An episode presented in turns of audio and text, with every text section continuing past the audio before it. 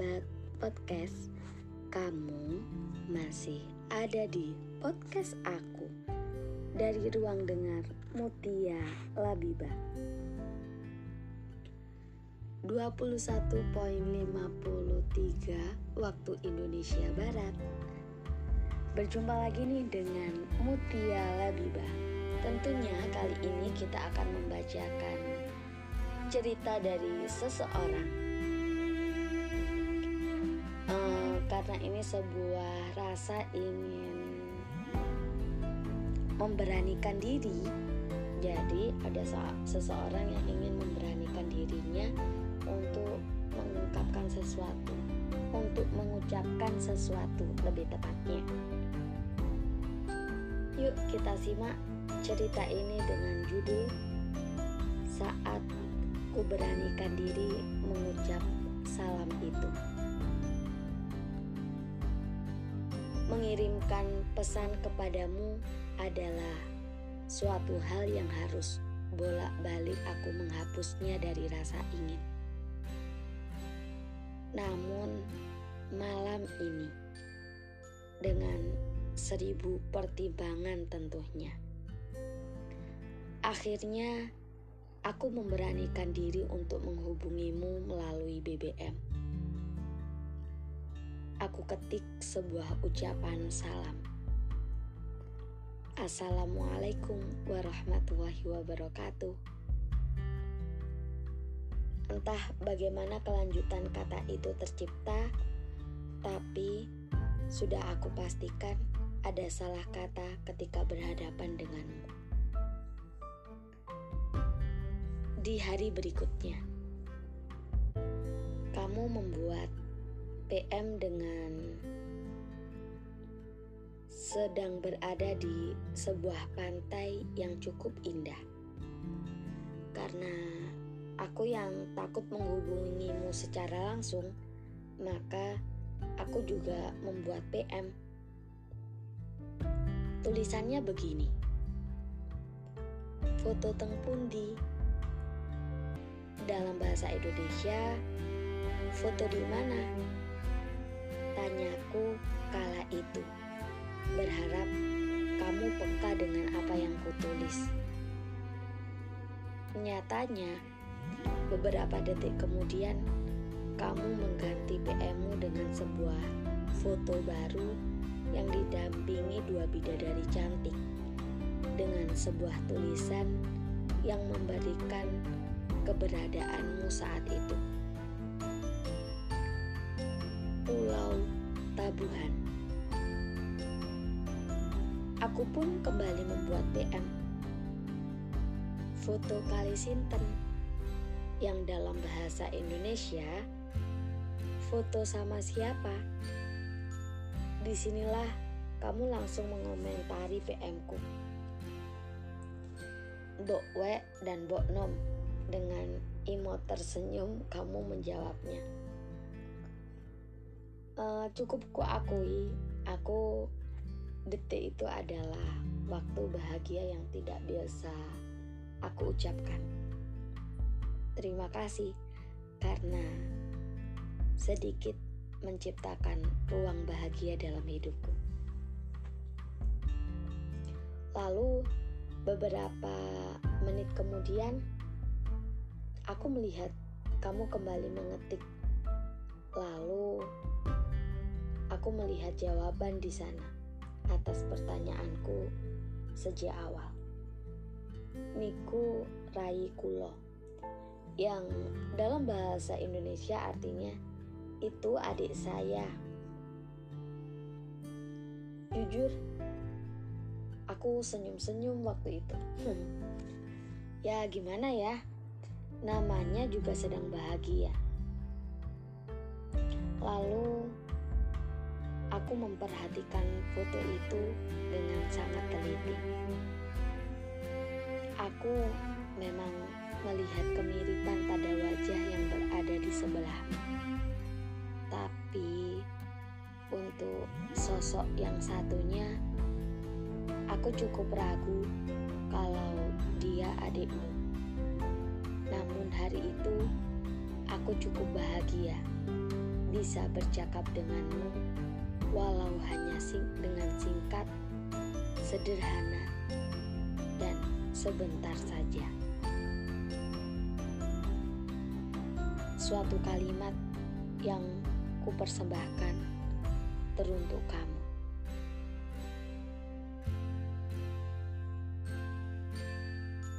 Ingin kusampaikan pada deru ombak. Ingin aku salamkan pada buih di lautan. Ingin ku terbangkan bersama burung di angkasa tentang perasaan yang tidak seharusnya bertahta.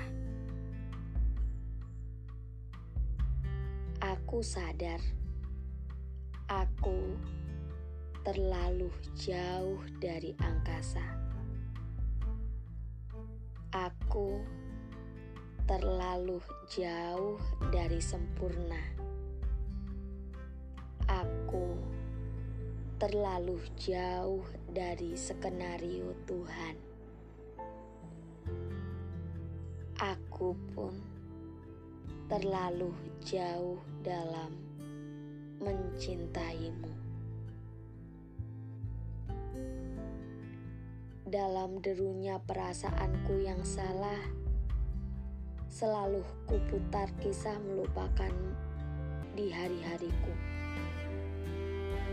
Maaf jika perasaan cintaku ini menjadi pengganggu di hidupmu. Maaf jika membencimu pernah menjadi satu inginku.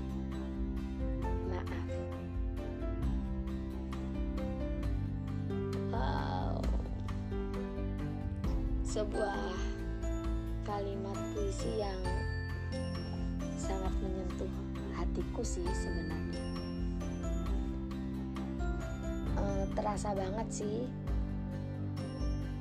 Kata-katanya terbuat dari hati.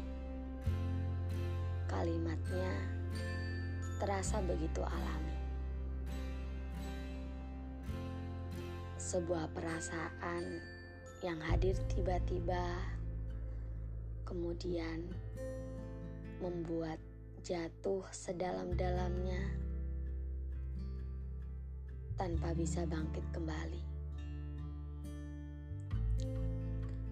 Uh, memiliki seseorang yang menjadikan dia adalah tumpuan bahagia, menjadikan seseorang begitu sangat berarti. Tapi di sini kita harus sadar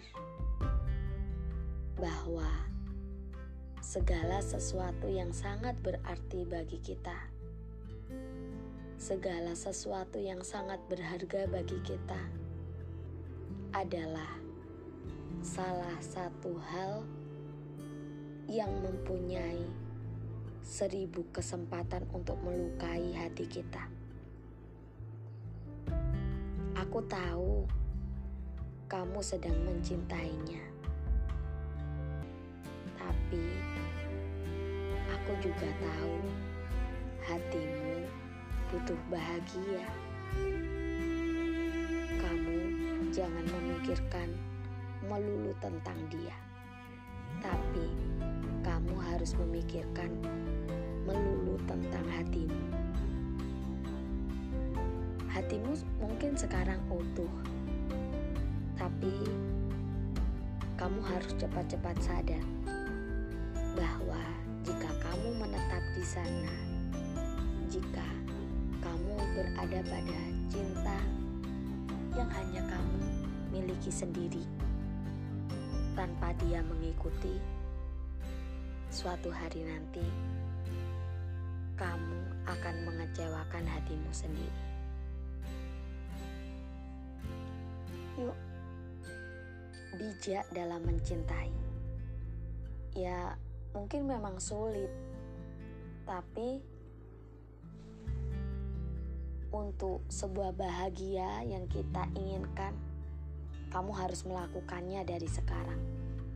Aku yakin kamu bisa, kamu pasti kuat. Toh, selama ini kamu tidak hidup bersama dia, kamu hanya menjadi pengagumnya dari jauh. Jika bersama dengan dia sudah menjadi sebuah ketidakmungkinan, kamu harus menyadarinya dari sekarang. Dan ketika kamu sudah sadar, kamu harus berjuang. Bagaimana cara kamu untuk melupakannya? Tapi, jika di sisi lain kamu memiliki sebuah kepercayaan, sebuah keyakinan bahwa kemungkinan itu pasti ada, kemungkinan itu pasti datang, aku tidak bisa berbuat apa-apa bahwa itu hatimu, itu milikmu. Bahagia atau sedih, itu kamu yang menentukan. Jadi, mungkin ini pesanku untuk kamu bahwa cinta tidak harus memiliki. Cinta adalah bahagia. Jadi, pusatkan semuanya pada bahagiamu. Karena cinta yang sesungguhnya adalah ada pada hatimu yang selalu bahagia. Oke, terima kasih sahabat semuanya sudah menjadi pendengar dalam podcast aku. Oke, itu tadi adalah sebuah ruang cerita, ruang dengar yang aku persembahkan untuk kalian semuanya. Selamat malam dan semoga harimu berbahagia. Salam sayang, salam cerita dari ruang dengar Mutia Labibah.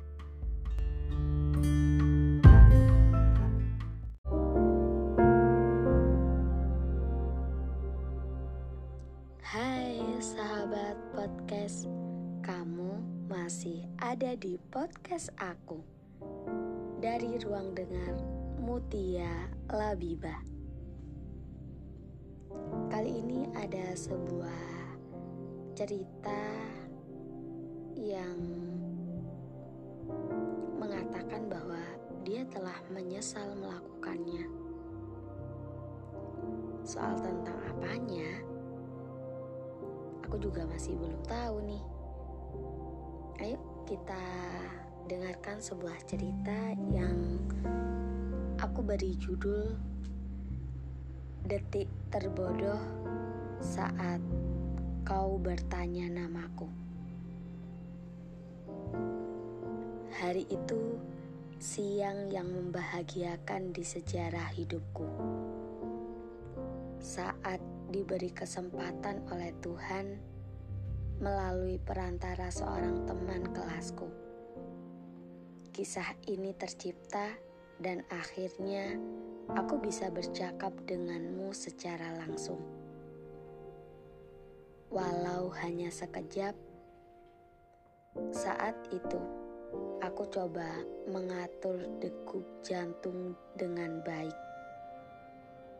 aku harus melangkahkan kaki bersama dengan temanku untuk bertemu denganmu. Dan aku tak pernah lupa bahwa rintik hujan bersedia menjadi saksi bahagiaku kala itu. Kamu tahu, di situ aku meminta janji kepada temanku untuk tidak memperkenalkan aku denganmu. Sebab aku tidak mau menyebutkan namaku di hadapanmu. Aku takut kamu tahu aku. Kemudian, di bawah tangga dengan tiga kursi yang berdekatan, kamu memulai berbicara dengan temanku. Bercakap berbagai hal yang aku tidak tahu. Meski kadang aku ikut menjawab pertanyaanmu saat ada sesuatu yang ku mengerti.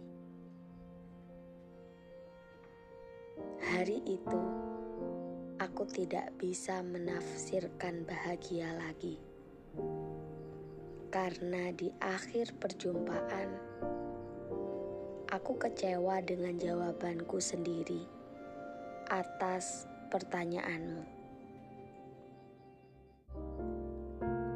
Aku ingat betul saat kamu beranjak dari tempat dudukmu untuk kemudian berdiri tepat di hadapanku.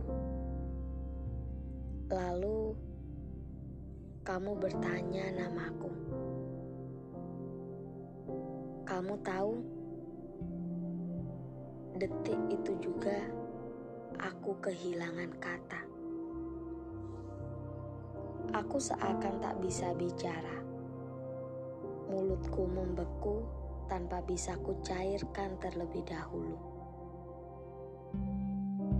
Akhirnya, aku menjawab dengan hal terbodoh dan aku sesali sejak saat itu. Waktu itu, kalimatmu begini. Mbak ini siapa namanya? Tanyamu dengan sangat jelas terdengar di gendang telingaku kala itu. Namun, hal itulah yang mampu mengunci mulutku dan menghilangkan sederet nama yang seharuskan kulontarkan kepadamu. Maaf aku sedang tidak punya nama.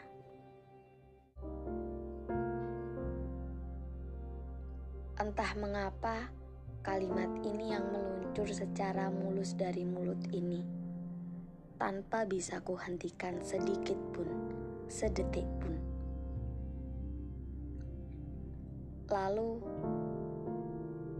aku melihat ekspresi tersenyum dengan wajah keheranan saat mendengar jawabanku. Rasanya saat itu aku ingin sekali menarik kata-kataku yang terlanjur kamu dengar. Rasanya aku ingin mengulang waktu untuk kemudian menjawab pertanyaanmu kembali dengan namaku sendiri. Lalu mungkin aku akan bertanya balik kalau kamu sendiri siapa? Oh, menjadi orang-orang yang pura-pura tidak tahu. Tapi entah bagaimana keadaanku waktu itu, pertanyaan semudah itu pun aku bisa sangat salah berkata. Aku menghilangkan kesempatan berharga untuk berkenalan denganmu. Padahal itu satu inginku sejak pertama kali bertemu denganmu. Kisah itu pun aku buat dengan akhir penyesalan. Wow. Hmm, mendengar ceritanya sih Ya, aku heran sendiri aja. Kenapa kamu sedang tidak punya nama waktu itu? Kamu sadar gak? Itu adalah waktu berharga yang kamu miliki agar dia tahu kamu. Tapi kamu menolak kesempatan itu. Tapi mungkin ini bagian takdir yang Allah rencanakan untukmu. Jika detik itu bukanlah perkenalanmu dengan dia, mungkin ada waktu lain yang Allah persiapkan untuk kamu berkenalan dengan dia. Tapi, coba deh bayangkan kesempatan terbesar itu tidak akan terulang kembali untuk yang kedua kalinya. Dan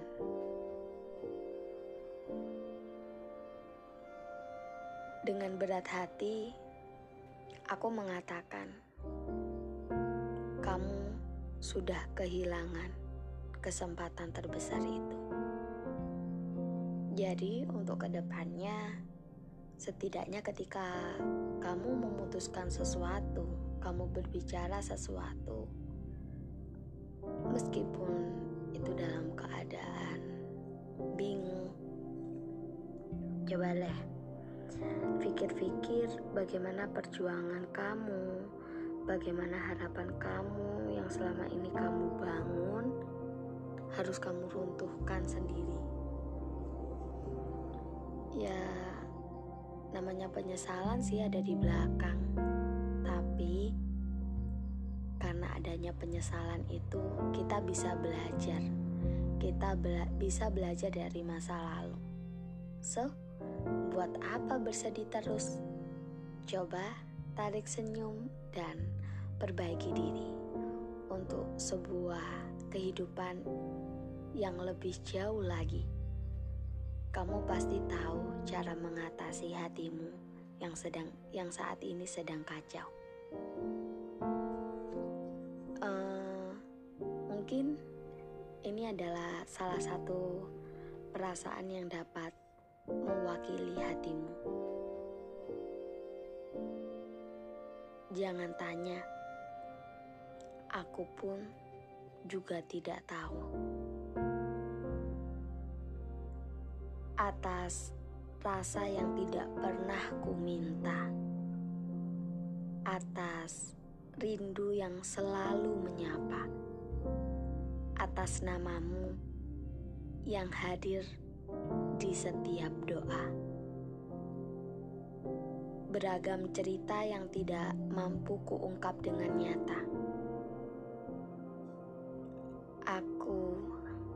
Mencintaimu. Dalam bait setelah perjumpaan itu, dalam sederet baris percakapanmu, dalam setiap nada suara merdumu, dalam setiap kalam yang menyatu di jiwamu. Mungkin karena itu, kekaguman ini menuju padamu dan tak pernah berbelok sedikit pun kepada selain kamu. Wow. Uh, namanya perasaan sih ya. Gak ada yang bisa menolak. Gak ada yang bisa memungkiri. Tapi jadikanlah mencintai dia adalah sebuah pelajaran. Pelajaran untuk bisa memperbaiki dirimu, untuk bisa menjadikanmu lebih baik lagi meski kamu belum tentu bisa bersama dengan dia. Aku percaya akan ada selain dia di hati kamu. Semoga kamu bisa melewatinya. Oke, sahabat podcast itu tadi rangkaian cerita pada hari ini. Oke, jangan lupa ya selalu dengerin podcast aku dalam Ruang Dengar Mutia Labiba. Salam cerita dari Ruang Dengar Mutia Labiba.